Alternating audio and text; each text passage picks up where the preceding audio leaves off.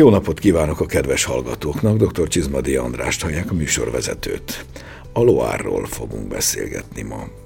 A Loárról szinte mindenkinek a kastélyok jutnak eszébe, méltán, de legalább ennyire fontosak és számosak szőlői és borvidékei is, mondhatjuk Franciaország szőlőskertjének is, mert hiszen így is hívják. A szőlőművelés itt is a rómaiakig vezethető vissza. Aztán várak, kastélyok építése a 15-16. században erőteljesen felgyorsult, a királyi kastélyokat persze arisztokrata kastélyok követték, kísérték a hozzátartozó életmóddal együtt, aminek szerves része volt a bor. A Loire völgy jó 600 kilométeres szakasza egy nagy óriási borrégió. Ma több mint 70 ezer hektár szőlőn, több mint 70 védett területű AOC vagy AOP bor születik, négy terjedelmes a régióban, óriási változatossággal és sokszínűséggel, köztük több világklasszissal is. Ezt a meglehetősen sokszínű és bonyolult régiót próbáljuk ma bemutatni önöknek vendégünkkel. Tartsanak velünk, szabadítsuk ki a szellemet a Loárvölgyi palackokból.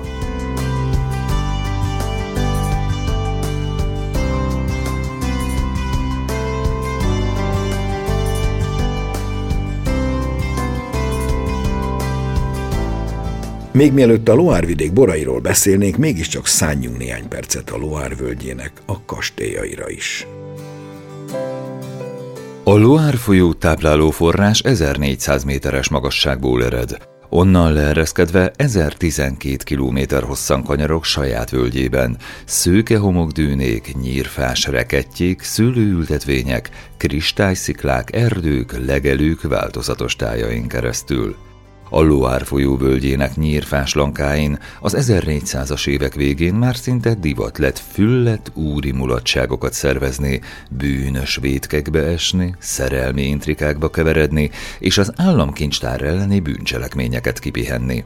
A Loire menti kastélyok története Párizs feldúlásának idején kezdődött, amikor hatodik Károly egyik hűséges embere a királyi palotába sietett, és a 15 éves francia trónörököst lovagi kísérettel Párizsból kimentve Sinon kastélyában helyezte biztonságba. Először tehát rejtekhely, búvóhely, majd dorbézolások színhelye lett a vidék, Később benépesült, a királyok völgye lett, aztán kedvelt üdülőhelyé szelídült, bortermelő vidék, manapság pedig a világörökség része. A folyómenti tisztásokon megszámlálhatatlanul sok kastély áll, amelynek falait a közeli hegyek fehér kőtömjeiből vésték ki a korabeli mesteremberek, hiszen itt minden kőnek története van, minden díszlépcső titkokat őriz, minden park királyi mulatságokról beszél, s minden terem egy letűnt világ visszhangjaival van tele.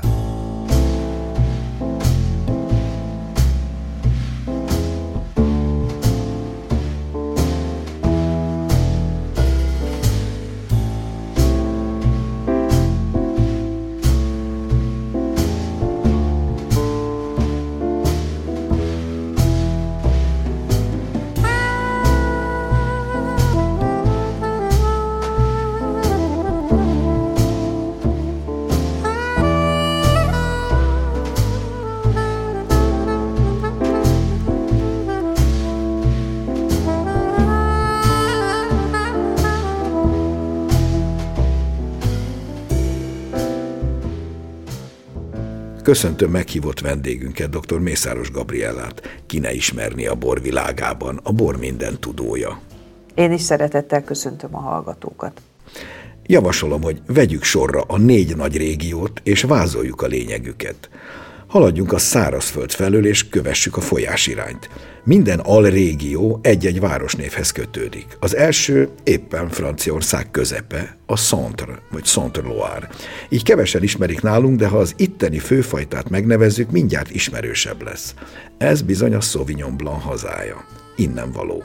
Innen indult világhódító útjára. Sancerre a városnév, és Puy a másik parton. Milyen itt a klíma és a talaj, amik ezt a remek bort adják? meglehetősen egyedi. Nem feltétlenül nevezhetjük hűvösnek, de az Atlanti óceán felől azért érkeznek hűsítő légtömegek. Itt bizonyos termőhelyeken nagyon komoly méztartalom is megtalálható a talajban, ez mindig segíti azt, hogy a szőlő gyökere a savakat kellő mélységből táplálkozva igazán szép és elegánsá alakítsa. A szandr borairól talán a leglényegesebb azt tudni minden borkedvelőnek, hogy itt semmiképpen nem érdemes keresni a Sauvignon Blancnak azt a tengeren túli, elsősorban új-zélandi borokhoz köthető. Mondhatjuk kicsit csiricsárébb Hát azért én nem vagyok ennyire elítélő, mert... Csak sarkosan fogalmazom. Egy kétségtelen, extravertált borok ezek, kimondottan a Szandr boraival összehasonlításban. Itt a gyümölcsösségből mindig kevesebbet kapunk, ezzel szemben a termőhelyi karakter, a terroár az olyan mérhetetlenül elegáns és szép borokat képes adni, amit nagyon sokan nem is feltételeznek. Tudom, hogy az igényesebb borfogyasztók között van egy olyan réteg, aki úgy gondolja, hogy a Sauvignon Blanc szeretni nem illik, az már egy kicsit snasz, mert hogy annyira már közönséges tud lenni. Pontosan, és amikor ilyen borsort állítok össze például, akár Sancerre, Puy Fumé, Menetusalom, időnként egy-két kanszi is megjelenik a piacon. Tehát ezekből a borokból sokkal inkább sugárzik az a mérhetetlen, visszafogott elegancia, amiért úgy gondolom, hogy ezeket nagyon is lehet szeretni. Tehát ne ítéljünk azonnal első látásra, hanem próbáljuk ezeknek a boroknak a lényegét megfogni. Igen, és tegyük hozzá, hogy ahogy említette, talán nem biztos, hogy az új-zélandiból kellene kiindulni, bár kétségtelenül elterjedtebb a mai világban, és hajlamosak vagyunk ahhoz hasonlítani, hogy ilyennek kellene lenni a szovinyonnak. Valóban a, a loármenti eredeti szovinyonok soha nem olyan harsányak, mindig elegánsak, szelidebbek, viszont hát ki melyiket szereti, végül is mind a kettő szerethető. Az előbb említettük, ott vannak ezek a kis szateliták, Mönetu Salon, meg a Röi Kansi nevű kis vidékek. Ezeket én úgy tapasztaltam, hogy nagyjából hozzák ugyanazt a minőséget, alacsonyabb áron. Nagyjából így van, igen. A Sancer és Puy Fumé néven megjelenő borok mindenképpen régebb óta ott vannak az igényes, nem helyi fogyasztóknak a fejében. A kettő között stílusban van egy pici különbség, a legásványosabb, a legacélosabb talán az mindenképpen a szanszer. A hordónak a használata mind az erjesztéshez, mind pedig az érleléshez némiképp a múlté. Egy érett és egészséges szőlőből készülő bornál egész biztos, hogy nem zavar az almasav. Bár Sancer alapvetőleg a Sauvignonról szól, azért van itt egy kis vörös is. Van, és nem is akármilyen. Ugye a Pinot Noir az a fajta, ami kékszőlőből ö, kifejezetten izgalmas és elegáns borokat ad. Hát ők sem olcsók. A burgundi területeken elsősorban a márga az, ami a pinónak a legszebb hátterét adja. Itt egy picit messzesebb és leheletnyit elevenebb borokkal találkozunk. Igen, savai talán egy picit. Pontosan élénkebbek, talán a gyümölcsösség is egy picit jobban érezhető, de úgy gondolom, hogy ez is egy tökéletes Pinot Noir. Haladjunk tovább nyugat felé, Túrváros környékére érkezünk. Ez Turen régió, alrégió. Több híres borvidékkel. Itt egy másik kiváló helyi, ráadásul univerzális fehérfajta uralkodik, ez pedig a Chenin Blanc. Ebből szinte minden készülhet a gazda döntése és az évjárattól függően. Milyen az igazi, Chanel, és melyek a legszebb előfordulásai itt? Gondolok itt Vouvray-ra, talán Montlouis-ra és a többiekre. Talán Vouvray neve a legismertebb mindegyik között. Itt Vouvray néven gyakorlatilag buborékos, csontszáraz bortól a nagyon szép, egyszerűbb, száraz, reduktív karakterű fehéreken át, nagyon szép hordóban érlelt, elképesztően ásványos, telt, teruár borokon keresztül az édes borokig is eljutunk. Ezért Tehát is univerzális. Pontosan, akár csak a furmint. Én meggyőződéssel vallom, hogy nem csak papíron rokonok, de valójában mind a két fajtának, tehát a Sönemblannak és a furmintnak is vannak hasonló tulajdonságai, ami számomra a legjobb fehérfajták közé emeli. Ugyanezt tapasztaltuk, amikor arra jártunk pár évvel ezelőtt, hogy vakkostolásba több sönennél esküdni mertünk volna, hogyha nem tudjuk, hogy akár egy nagy furmint van a poharunkban. Valóban nagyon sok hasonlóságot mutat. Így van, érdekes pedig, hogy aromatikában inkább emlékeztet a hárslevelűre, a leggyakrabban emlegetett olyan aromajegy ezzel a fajtával kapcsolatban, amiről föl lehet ismerni, az az akác, akác méz, és érdekes módon ez az akácos, finom, kicsit pikáns, de mégis édeskés, behizelgő karakter a nagyon jellegzetes dél-afrikai borokban is benne van. Ha már Turemben vagyunk, említsük meg, hogy itt már a vörös szőlő, azaz a kék szőlő szerephez jut, méghozzá éppen a Cabernet Franc, ami nálunk is sztárparádét mutat, főleg villányban és szexártáján. Mit mutat errefelé a Cabernet Franc, mert egészen más karakterű. És vessük össze egy kicsit a mieinkkel. Nehéz igazán igazságot tenni. Én a loári borokat nagyon sokra értékelem, sokkal elevenebbek a savakban, lendületesebbek a gyümölcsösség és a teruári jegyek a tannin mögül jóval gyakrabban előbukkan, mint a mi borainkban. Ez nyilván nem minőség, csupán stílusbeli eltérést jelent. Azt hiszem, hogy feljövőben van amúgy a Loári Cabernet Franoknak a csillaga. Egyre több természetű bor készül, egyre igényesebb éttermekben találjuk meg ezeket a tételeket, és valljuk be, nagyon jó fogyaszthatók is. Ez igaz, de struktúrában, ha összevetjük a hazai nagy ágyukkal, nagy villányi franokkal, akkor hogy néz ki? Ne felejtsük el, hogy hőmérsékletben elég komoly különbség van, Sokkal tehát hűvösebb. itt olyan érett szőlőt nem tudnak szüretelni, mint nálunk, akár szexárdon, akár villányban, viszont komplexitásban és koncentrációban semmivel nem találom ezeket a borokat kevesebbnek, mint a hazai általad nagyágyúnak említett Igen. ételeknél. Beret Stefani tokai borász, de loármenti születésű. Körülbelül 30 éve kiváló tokai boros gazda lett belőle. A loári borokról beszél, főleg a nagy fehér fajtáról, meg általában a hazájáról.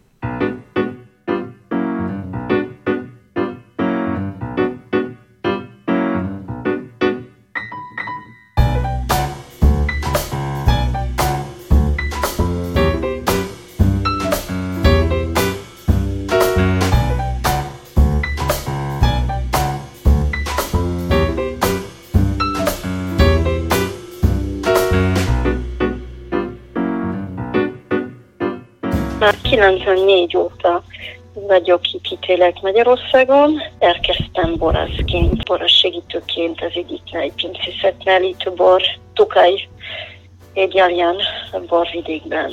A Loire völgyön születtem, pedig hát ez a rész a Loire-nak, ami eléggé közel áll az óceánhoz. Ott a Loire völgyében foglalkozott ön borokkal? Nem, nem, egyáltalán szüleim mezőgazdasággal foglalkoztak, nagybátyám ő, aki obiként készített valamennyi bort, de de azért nagy birtokok nem voltak, úgyhogy ez a bor szeretet, hogy család, ahogy válogatta, és uh, mutatott olyan borokat, amik abszolút meglepőek voltak, így, így fedeztem föl. Ezt a szakma is megkívántam. És hogyan lett ön tokai boros gazda? Ahogy elkezdtem ide, ugye fiatal, éppen végeztem az iskola, kaptam valamennyi gyakorlat munkahelyemen, megismerkedtem férjemmel, aki magyar, és pedig láttam a fantáziát ebbe, hogy valahogy legyenek területek, egy, egy régi pincének annyi újra életet. Ebbe a borvidékben ittem, érzékeltem, amikor mentünk kiállításon, hogy, hogy többi bortermelők és nemzetközi, nagyon közismert birtokokról van szó, nagyon valahogy meglepődtek, szájról szájra mondták, hogy ide kell kóstolni, kell felfedezni a borokat, amik vannak itt Tokajban.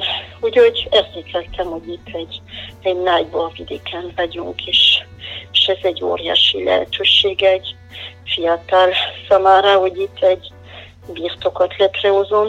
Tartja a kapcsolatot francia borászokkal? Tehát ismeri a francia igen. borokat? Igen, igen, és pont mondok őszintén, van egy fehér borvidék ami kedvelem, ez pont a Loire völgy. Mert ott van ez a finomság, ez a finesz, amit, amit nagyon kedvelem. Nagyon színes borvidékről van szó. Ez egy, hát olyan sok szülő van ott, mint maga Magyarországon.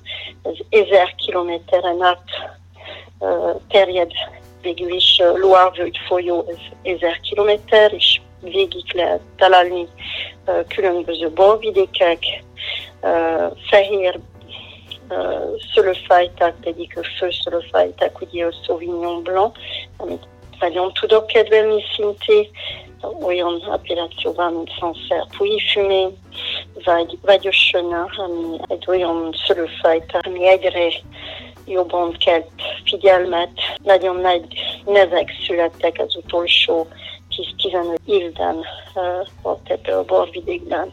Úgyhogy uh, egyszerűen robban ez a borvidék, és uh, éppen készülök most január végén, február elején van egy kiállítás, és megyek letogatni.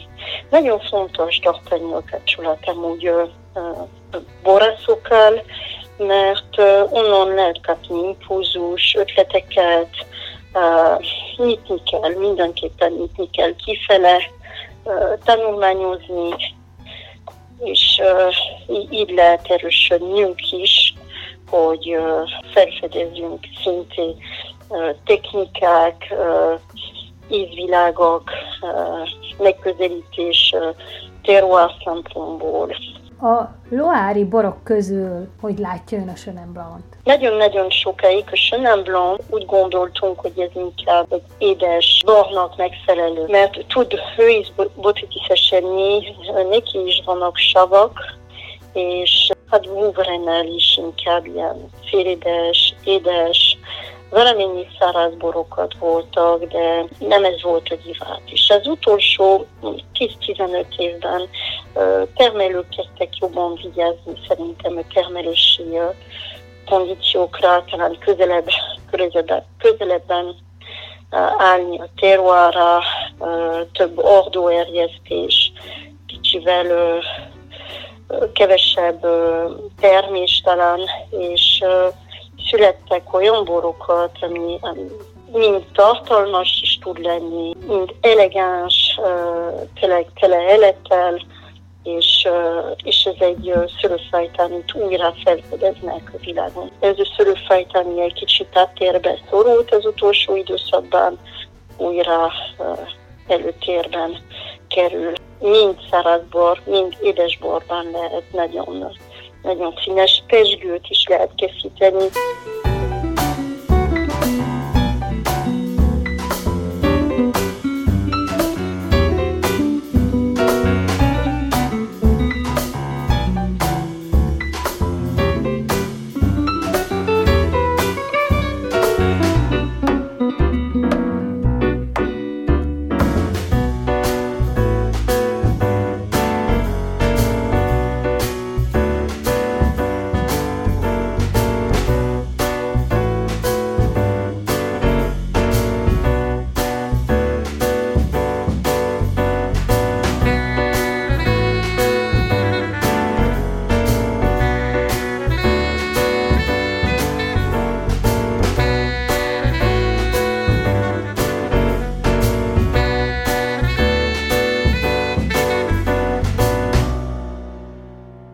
Következő alrégió Angé városához kötődik, ez pedig nem más, mint Anjou tartomány fővárosa, a borrégió pedig Anjou Szoműr.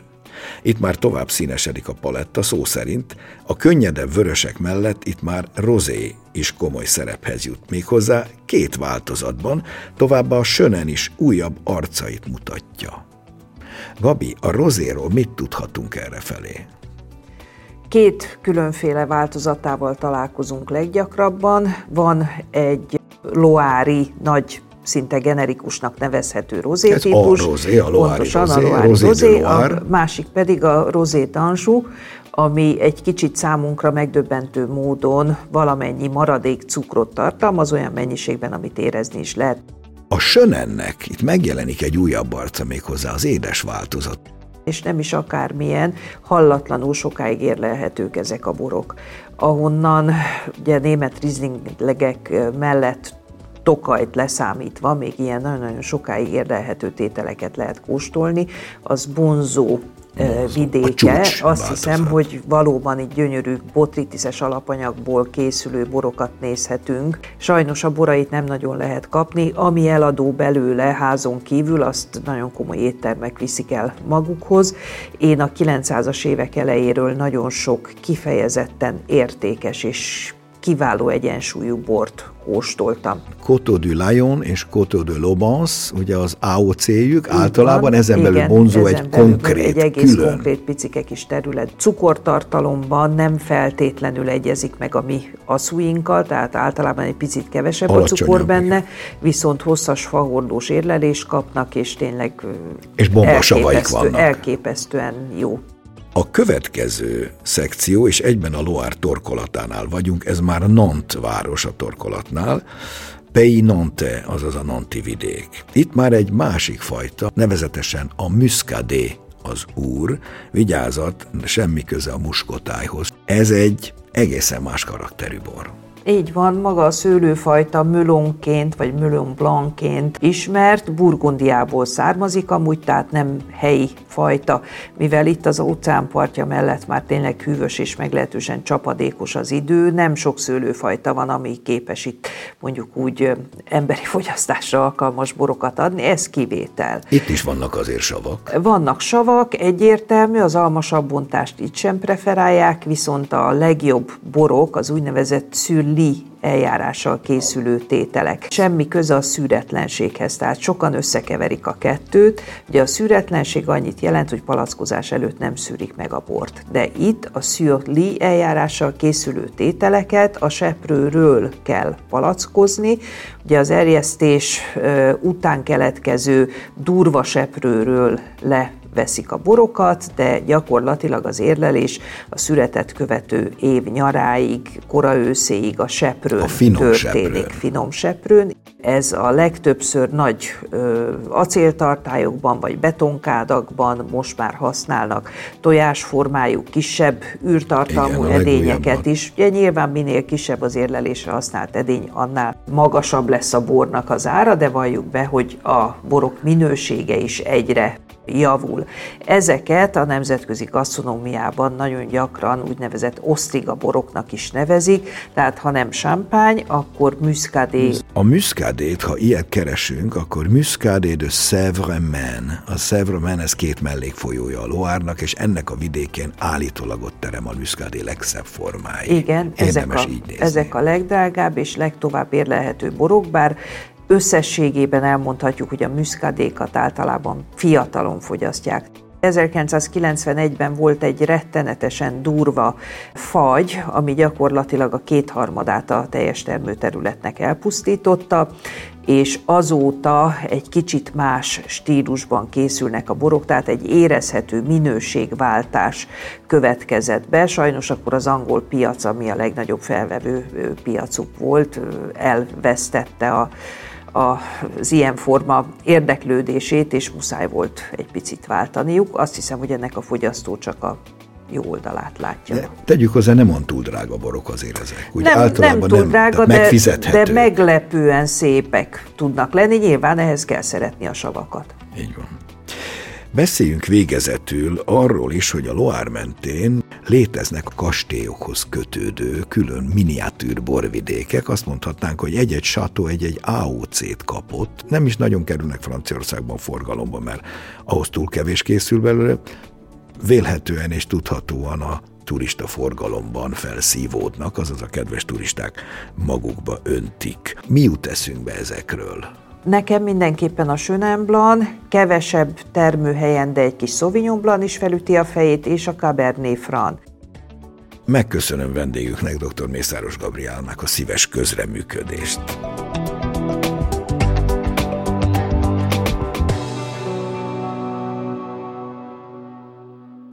És most hallgassuk meg, mi újság a borok világában. A híreket Vajda Boglárka szemlézi.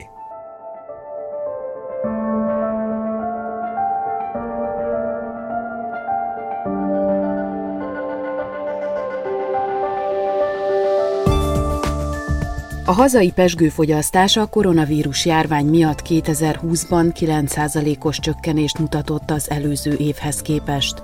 Ám 2021-ben már nem esett tovább a fogyasztás, írja a Nemzeti Agrárgazdasági Kamara éves elemzésében.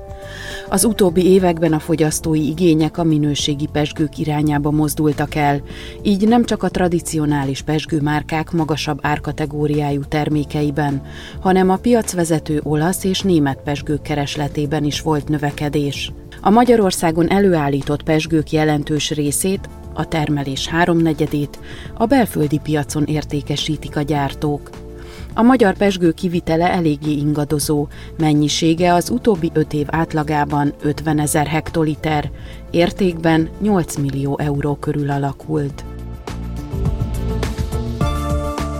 Elérhetővé vált az Országos Bortúra nevű applikáció, amelynek felhasználói kedvükre válogathatnak a hazai pincészetek közül. Az alkalmazásban szereplő pincék mind nyitva állnak a látogatók előtt. A hazánkban egyedülálló alkalmazás ötlete többek között Kocsis M. Brigitta bortanácsadónak köszönhető, aki a pandémia alatt indította el borokkal foglalkozó interjú műsorát, a Borportrét. Hazánkban a borkészítés nagy hagyományra tekint vissza, a 22 borvidékből azonban a legtöbb borkedvelő csupán 5-6-ot ismer. Az applikációra már több száz pincészetet regisztráltak a Magyarországon gazdasági társaságként működő körülbelül 690-ből.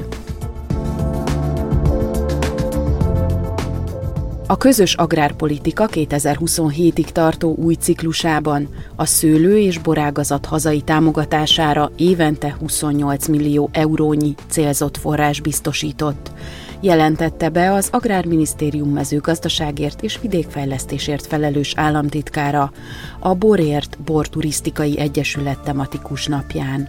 Az agráriumon belül a szőlőtermelők és borászok számára is új lehetőségeket hordoz az Európai Bizottság felé leadott magyar stratégiai terv. Feldman Zsolt államtitkár elmondta, óriási érdeklődés van a szőlőtermelők részéről az agrárkörnyezetgazdálkodási programban való részvételre. 37.725 hektár szőlőterülettel pályáztak erre a támogatásra. Ökológiai gazdálkodás keretében 1200 hektár szőlőterületet művelnének az érintettek támogatott módon. A magyar borok piacra jutásának segítése érdekében belpiaci tájékoztatási tevékenységre és külpiaci promócióra is beadhatóak majd pályázatok. A támogatási kérelmeket március 12 és április 30-a között lehet majd benyújtani.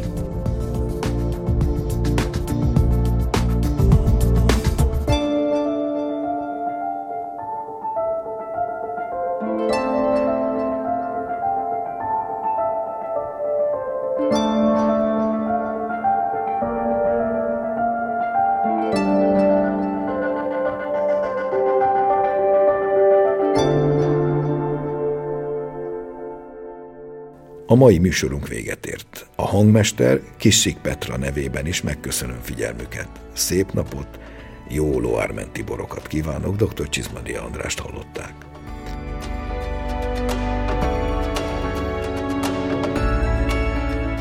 Mai adásunkat a mediaclick.hu honlapon hallgathatják meg újra. A műsort az MTVA készítette 2022-ben.